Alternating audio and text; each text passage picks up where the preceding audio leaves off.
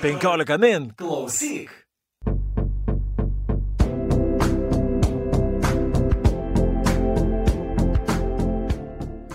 Sveiki gyvi antrojoje podcast'o perskaitimui laidoje.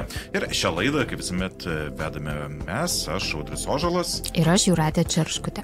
Ir šiandien daugiausia dėmesio mes skirsime puikiai Lenkų autoriai, puikiai rašytojai Olgai Tokarčiuk. Ir daugiausia kalbėsime apie jos knygą Begūnai.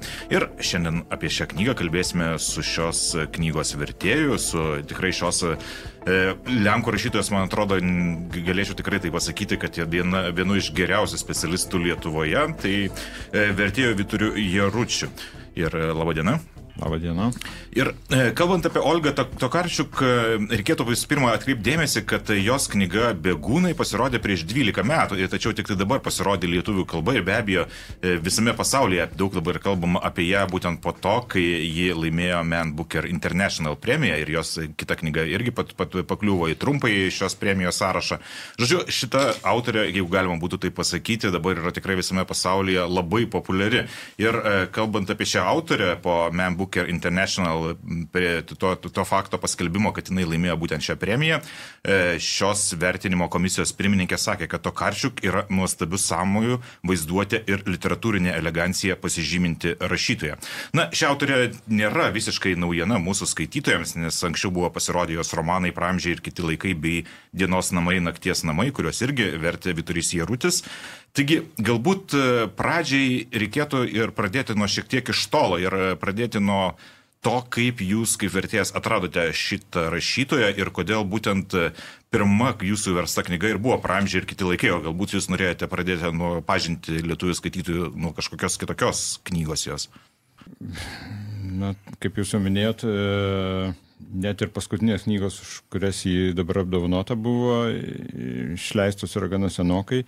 O pramžiai ir kiti laikai e, Lenkijoje berots buvo išleisti gal 97 turbūt metais arba 8 gerai ne, nepamenu, o lietuvių kalba 2000 metais ir, ir na tada aš irgi buvau toks pradedantis e, vertėjas ir, ir vis pabandydavau ką nors versti ir, ir e, galiu pasakyti, jeigu gerai pamenu, kad e, pramžių ir kitų laikų na, tokia e, įkvėpėja ir pasiūliusi gal versti ir atkreipusi dėmesį į, į, į šitą autorę, kuri irgi tuo metu dar buvo tokia jauna, nelabai kam žinoma autorė Lenkijoje, tai buvo Žyvilė Pipinytė, gerai visiems žinoma, e, kuri beje taip pat yra, man, man atrodo, labai gera Lenkų literatūros ar apskritai kultūros specialistė. Tai mano nuotykis su, su Olga Tokarčiuk šitaip gal ir prasidėjo nuo, nuo, nuo pramžių ir kitų laikų. Be abejo, dabar žiūrint į tą perspektyvą, tai e, net ir pavadinimas turbūt labai toks prasmingas, e, nes, nes viskas iš tikrųjų buvo pramžiais beveik prieš 20 metų. E, bet aš kiek žinau, kad e, jūs pats e, asmeniškai esat pažįstamas su Olga Tokarčiuk ir turbūt tikrai esat skaitęs visus jos tekstus, tai prieš pereinant prie bėgūnų aptarimo norisi paklausti, kaip jum atrodo visa Olgos Tokarčiuk kūryba, nes aš na, įsivaizduoju, kad jūs tikrai skaitot ne tik Olga Tokarčiuk iš Lenkų rašytojų, kaip apibūdintumėt jos vietą Lenkų literatūroje. Na, jūs tikrai per daug gerai įsivaizduojate.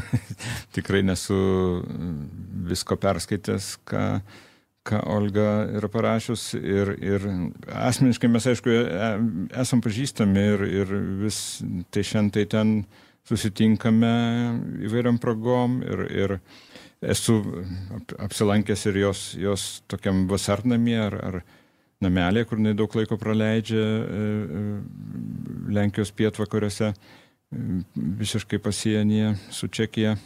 Tai, e, tai ta mūsų pažintis ir, ir asmeninė, ir tokia literatūrinė yra, na, sakyčiau, gana paviršutiniška. Aš e, tos knygos, kurias aš išverčiau, jos, e, jos toli gražu turbūt neatspindi visos, visos Olgos kūrybos, jinai rašo nemažai ir eseistikos, ir, ir yra tokia ir, ir visuomeniškai labai aktyvus žmogus Lenkijoje. Na, jos, jos e, vieta Lenkų literatūroje tai be abejo, be abejo yra labai aukšta. Nežinau, kaip čia kitaip apibūdinti. Tai toks retas gana reiškinys, sakyčiau, kada literatūra yra ir, ir autoriai yra labai populiari Lenkijoje ir gana žinoma. Ir, ir ne tik tai na, tokių rafinuotų literatūros mėgėjų ir žinovų sluoksnėje, bet, bet ir, ir plačiam skaitytojų ratui ir labai mėgstama. Ir, tačiau ir, ir nors literatūra nėra tokia, na, kaip mes sakytume, tokia, tokia ar, ar tai popsinė, ar tai tokia lengvo pobūdžio skaitimui skirta. O kaip Jūs manot, ar kažkiek kenkia jos dabarties įvaizdžiui tai, kad būtent ką Jūs ir paminėjot, kad jin iš tikrųjų labai yra aktyvi uh, politiniam gyvenime ir labai priešinasi dabartiniai valdžiai. Ir čia man net norisi pasakyti tą Lenkų labai gražų žodį, kad jin yra tikra aktyvistka tokia. Ir nes aš esu girdėjus istorijų, kad pasipiktinę žmonės ten ketina deginti jos namus Varšuvoje.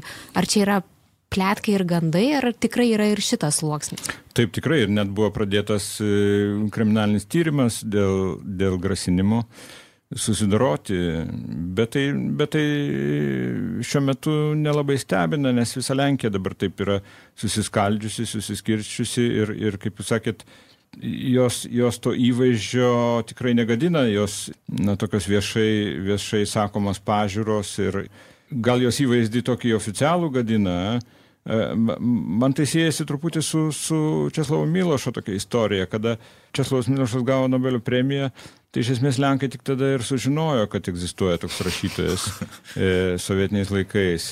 Bet, bet e, ne dėl to, kad, kad jisai buvo nežymus rašytojas ar kažkoks tai Pilypas iš kanapio atsiradęs taiga, bet dėl to, kad tiesiog valdžia ignoravo ir, ir draudė ir, ir jo tiesiog nebuvo. Tai e, šita Lenkų na, sakysim, politinės aplinkybės ar politinė konjunktūra, kuri dabar mėgina imituoti, kad jinai, kad jinai valdo Lenkiją ir, ir atstovauja visai, visai tautai, tai galima taip sakyti, kad iš dalies yra persona non grata, bent jau buvo, kol, reiškia, tarptautinis pripažinimas neprivertė valdžios pripažinti, pripažinti kad tai yra e, didelė rašytoja, labai reikšminga Lenkų kultūrai ir e, įtakinga.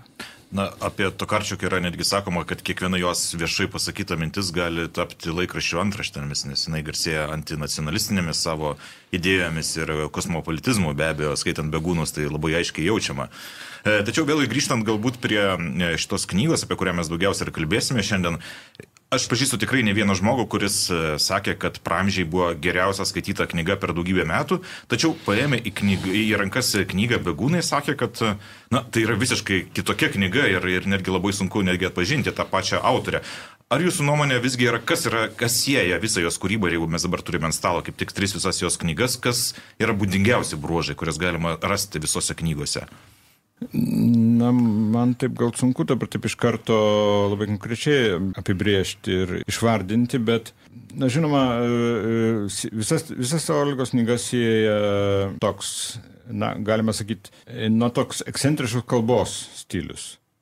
Olga beveik, man atrodo, visose savo knygose, ji, na, galima pastebėti tokį, tokį kaip ir tendenciją, tokią judėjimo į periferiją, iš centro, iš iš visuotinai pripažintų dalykų į, į, į tokius paribius ir kalbos prasme, ir temos.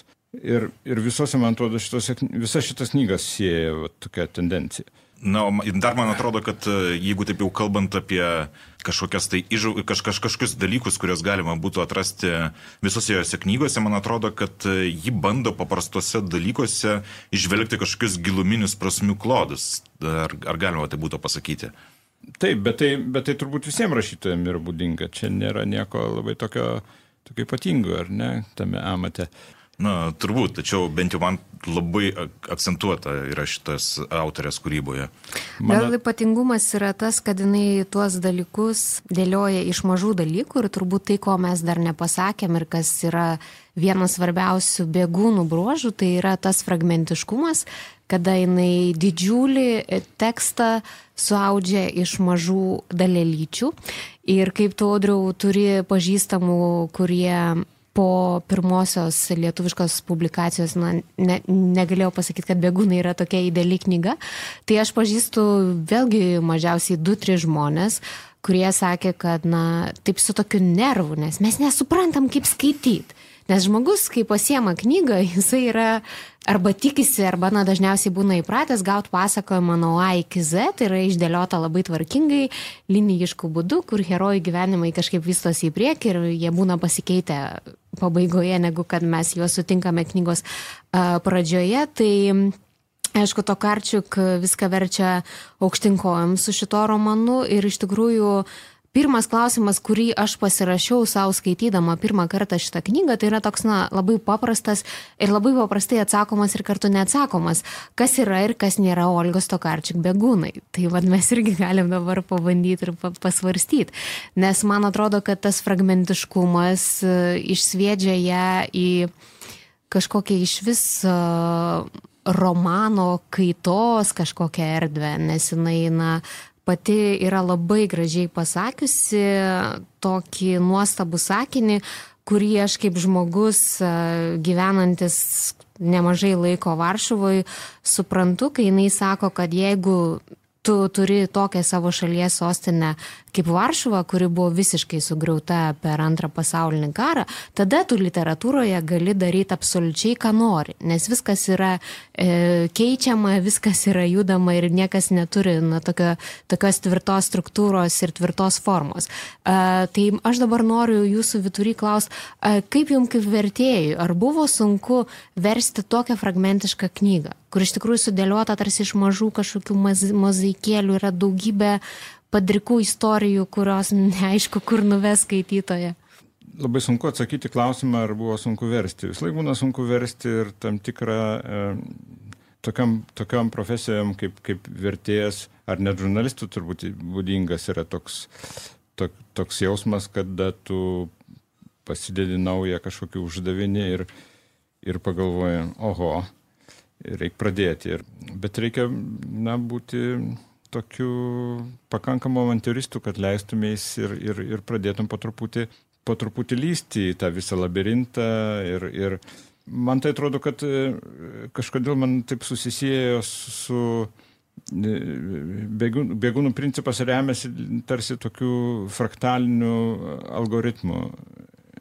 Yra daug smulkių detalių, tarsi, tarsi Olga tą romaną iš dekonstruoja, iš, išskaido į, į smulkelės dalelės, į smulkius elementus, tokius fraktalus, kurie ir tematiškai, ir stilistiškai atkartoja visumą, bet, bet paskui skaitytojas gali susidėlioti iš, iš tų fragmentų tarsi savo romaną.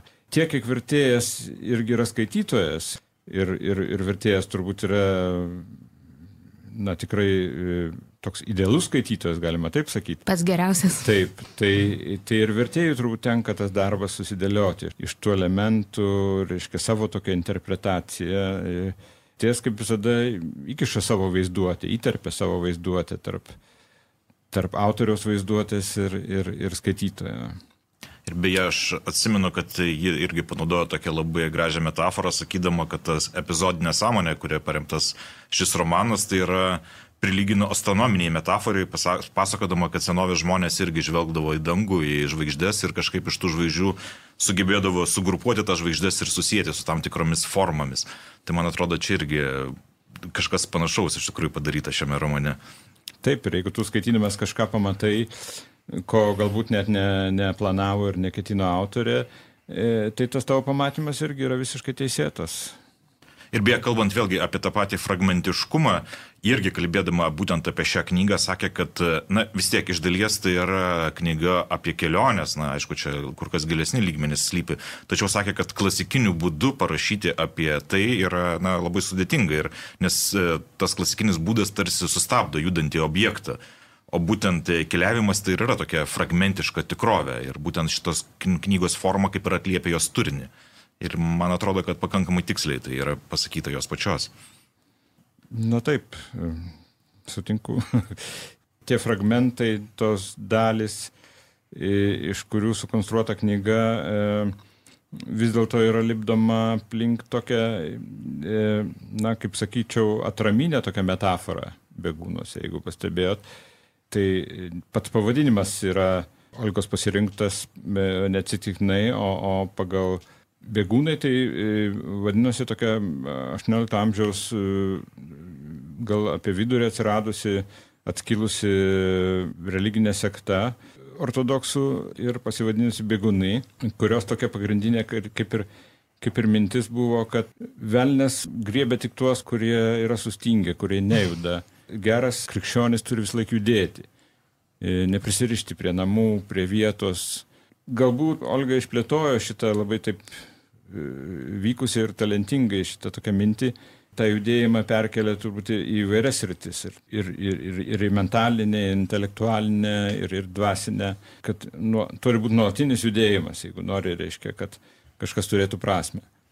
Ir jinai tą perkelia net į romano o, formą ir man labai patinka jos mintis, kai jis sako, kad mes dabar gyvenam tokiam iš tikrųjų beprotiškai greitai judančiam gyvenime, kad mes iš tikrųjų iš naujo turim apmastyti, kas ir kaip mums yra romanas ir kaip, kaip jis turi būti, kaip jis turi būti parašytas ir kaip mes jį turim skaityti. Iš tikrųjų aš bandžiau uh, suskaičiuoti, kiek skirtingų žanrų arba formų yra. Uh, tarkim, ta man pati turbūt įdomiausia uh, šito, pats įdomiausias sluoksnis šitos knygos yra tos anatominės istorijos, tie visi panoptikumai ir, ir, žodžiu, įdomybių kabinetai. Ir tai yra, na, istorinis romanas ir, pavyzdžiui, nežinau kaip jums, bet aš skaičiau interviu su angliškojo vertimo vertėja, kuris sakė, kad jai buvo būtent sunkiausia versti tą sluoksnį apie visas anatomijas ir, ir visus, žodžiu, šitos medicininius dalykus. Tai yra tas istorinis romanas, tada aišku yra ta detektyvinio romano linija, ar ne tas Kunickio nuolatinės paieškos dingusios žmonos ir, ir vaiko, tada be abejo mes galim rasti labai daug užuomasgų uh, apsakymų ir iš tikrųjų, na, tokių mažų kaip novelyčių. Įtelktų tada yra esė, yra jos pačios autobiografija. Ir kai jinai pačioje pradžioje uh, labai gražiai knygą pradeda sakiniu esu, tai man atrodo, kad uh, tarsi pati knyga skaitytojui sako, jeigu yra autorė, tai esu ir aš. Tai aš čia tiek daug priešnekėjau, bet man klausimas buvo, vis tik noriu perklausti, ar nebuvo jums sunku tos medicininius ir anatominius dalykus versti? Iš tikrųjų, tai man labai nepatinka versti analizuojant. Gal dėl to, kad aš ne, ne, nesu labai didelis profesionalas teksto analizės ir, ir na, kada reikia verčiant e, tekstą atlikti kažkokį tyrimą, tai truputėlį trikdo visą laiką tą vertimo procesą. Žymiai smagiau yra sėdėti ir taip e, e, vadovaujantis intuicija, sklandant kažkur tai padebesiais, traukti iš kažkokiu tai sferų tos, tos sakinius. Ir, bet taip, šiuo atveju reikėjo truputėlį ir pasigilinti ir paieškoti ir terminų, nes tikrai daug specialių žinių ten įdėta yra tose epizoduose.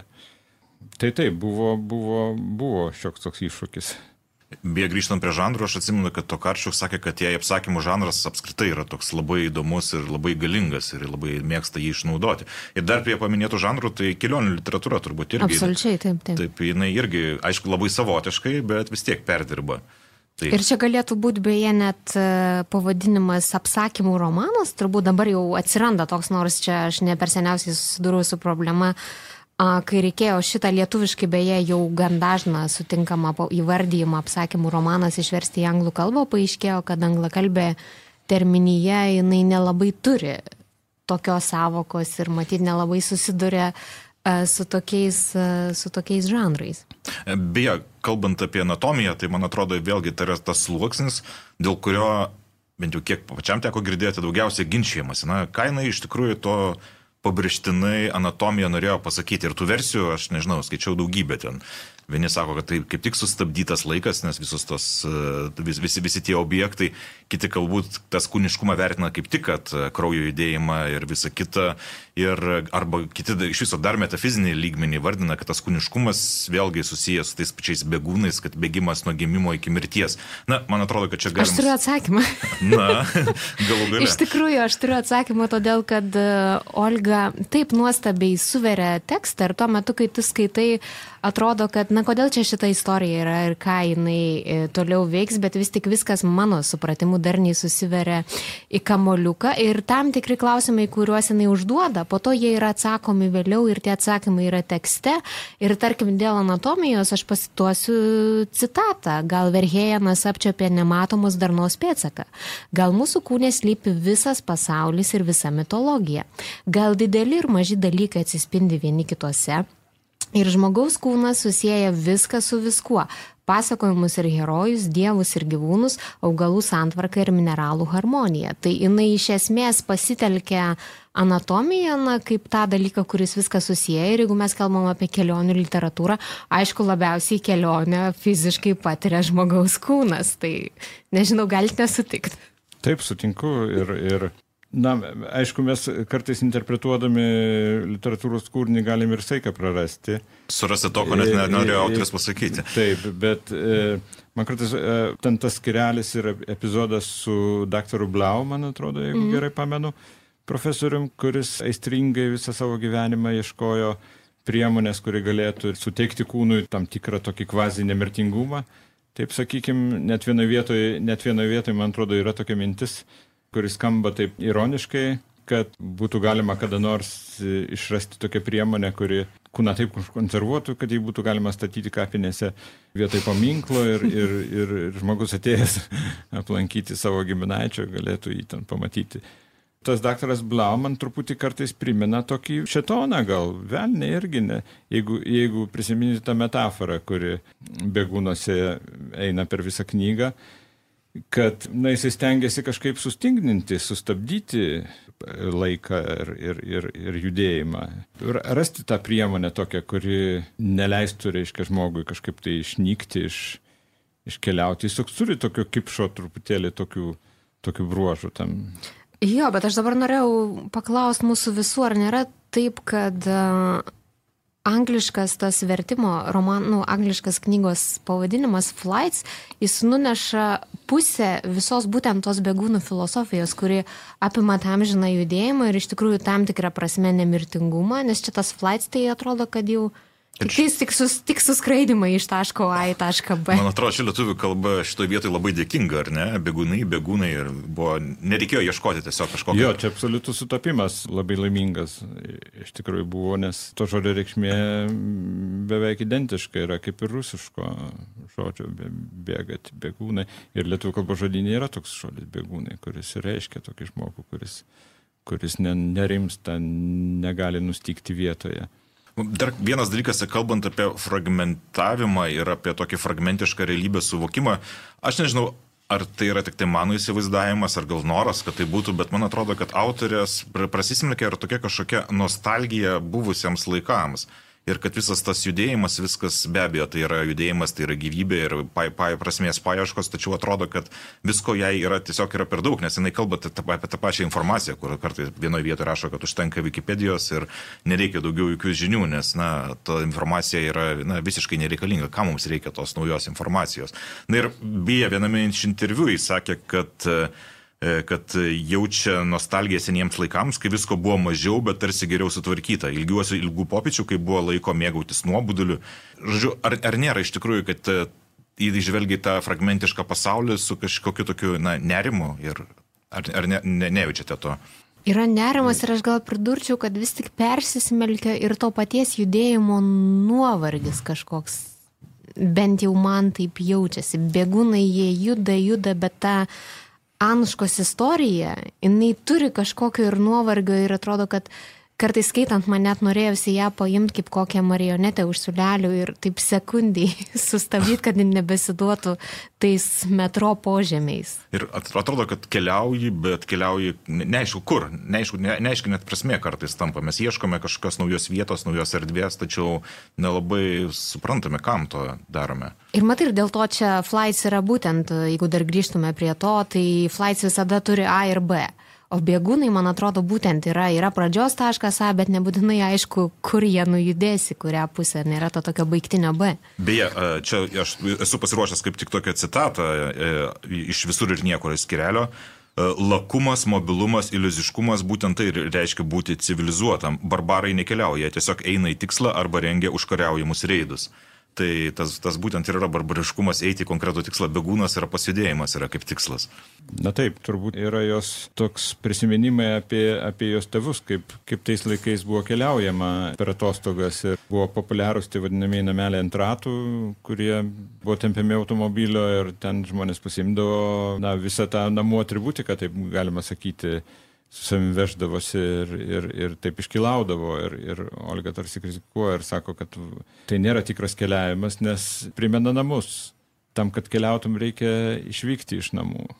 Ir šiaip dar pacituosiu jo iš bėgūnų, kur labai gražiai pasakotas sako, kad tiesios linijos, kaipgi jos žemina, kaip lošina protą, kas praklastinga geometrija, kuri paverčia mus idiotais ten ir atgal, kelionės parodija. Tai man irgi yra tas, ar ne, kad bėgūnai, man tai čia dar susisieja truputėlį su kitu, konspek, e, su kitu konceptu, kada yra prancūziškas flanior, ar ne tas judėjimas po miestą ir dabar prieš keliarius metus amerikiečių kritikė Laurin Elkin parašė knygą Flanios apie moterį judančią mieste.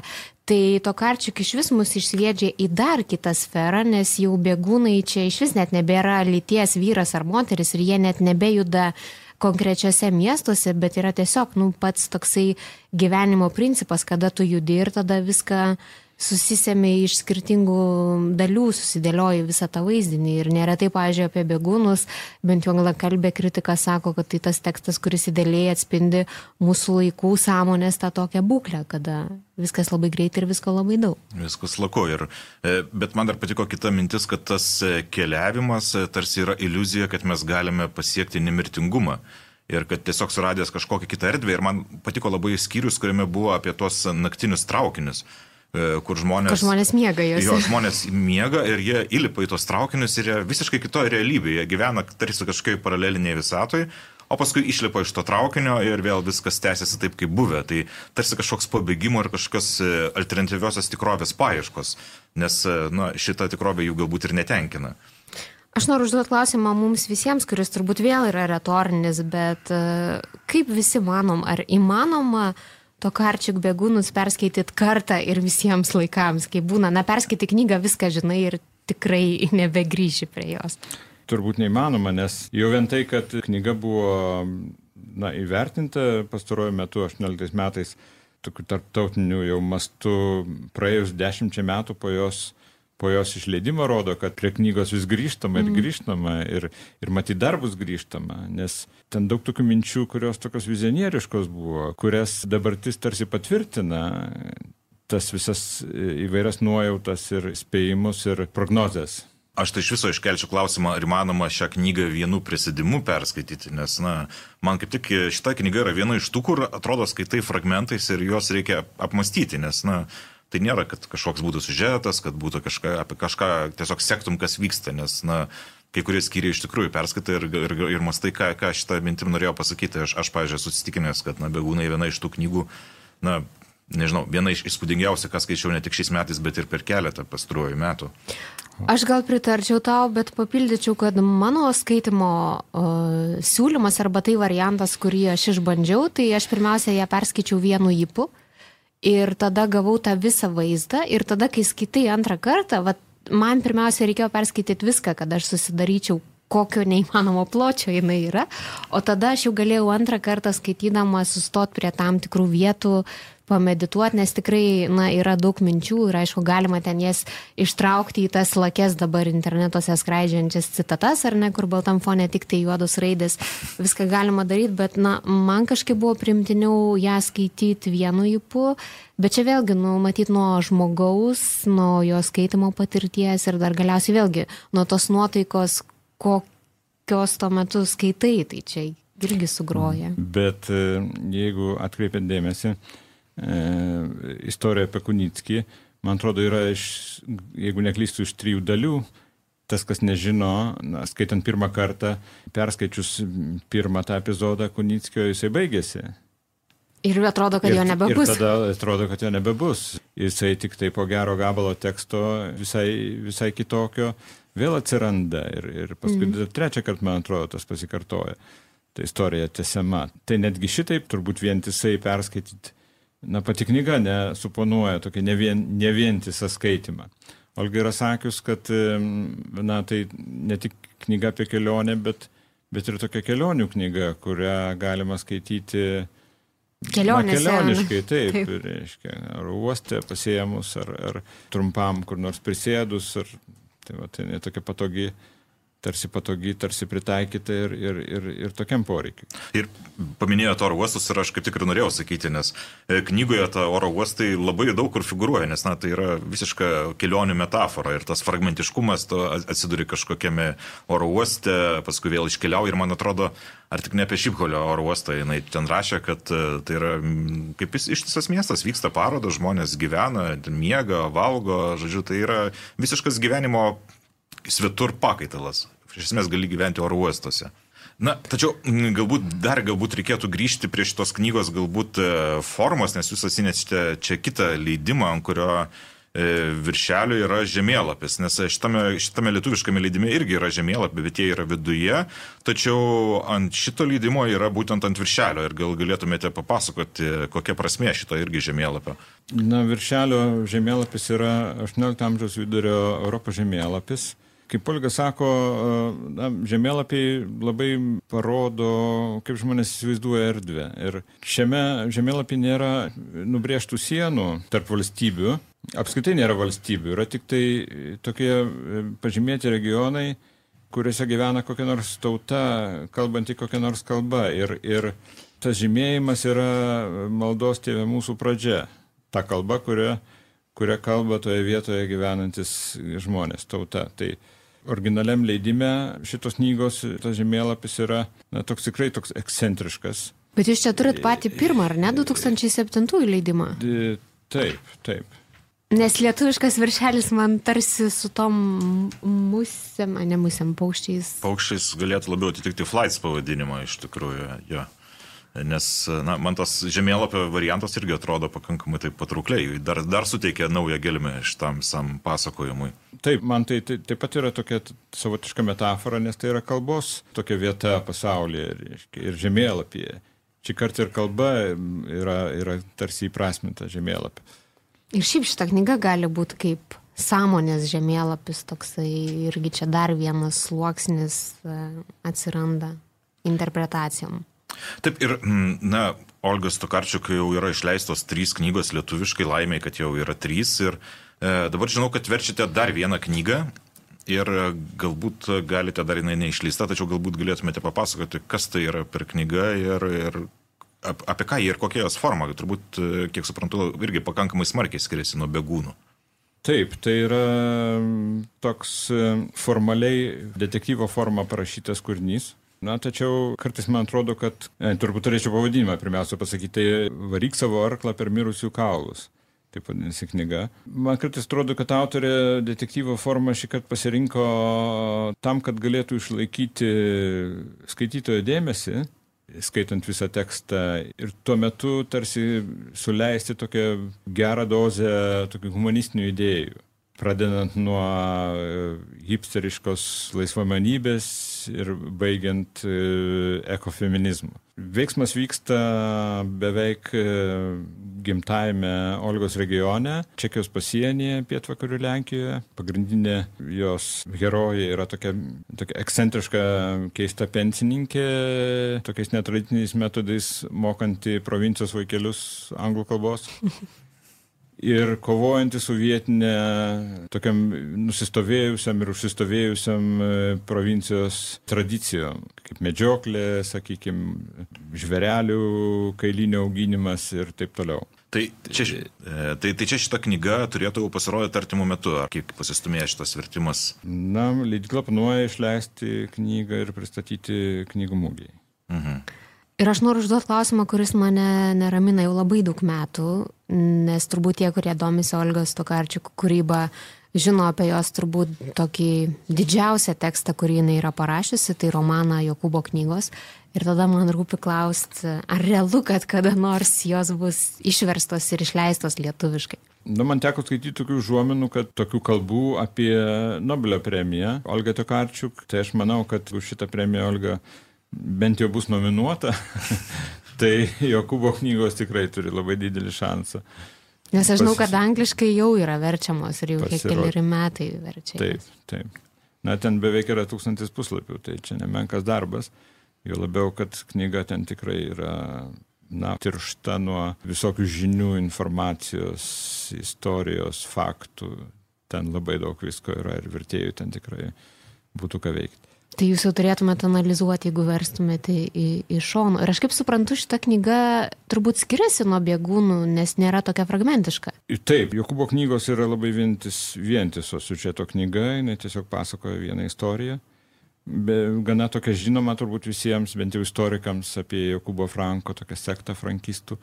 18 amžiaus vidury egzistavusią tokią garsią istoriją. Ir, na, Olga tiesiog labai nuosekliai ją pasakoja, bet iš tikrųjų knyga tai pilna yra kvapų, skonių, spalvų, labai vaizdžiai parodyta ir, ir, ir, ir papročiai, ir gamta. Olga yra sakius, kad dešimt metų turbūt rašė šitą knygą. Tai Tai mums panašiai gal tai, dar tiek reikės tai, jos laukti. Na, bet belieka tikėtis, kad Nobelio premija gaus. Beje, kai buvo paskelbta, kad jinai gavo Man Booker International premiją, Ir net Lietuvoje aš atsimenu, kad e, matydavau seną LT, man atrodo, jos knygas, parduodamas tas e, du senus leidimus ir jų būdavo tikrai nemažai ir vos po kelis eurus kai buvo paskelbta, paskelbta šitą informaciją, iš karto nieko nebeliko ir dabar irgi neseniai patikrinau, niekas nieko neparduoda šitos knygos irgi jau tapo deficitinė prieke. Tai vadinasi, tos premijos na, veikia ne tik tai leidiklas, bet skaitytojus irgi labai smarkiai veikia.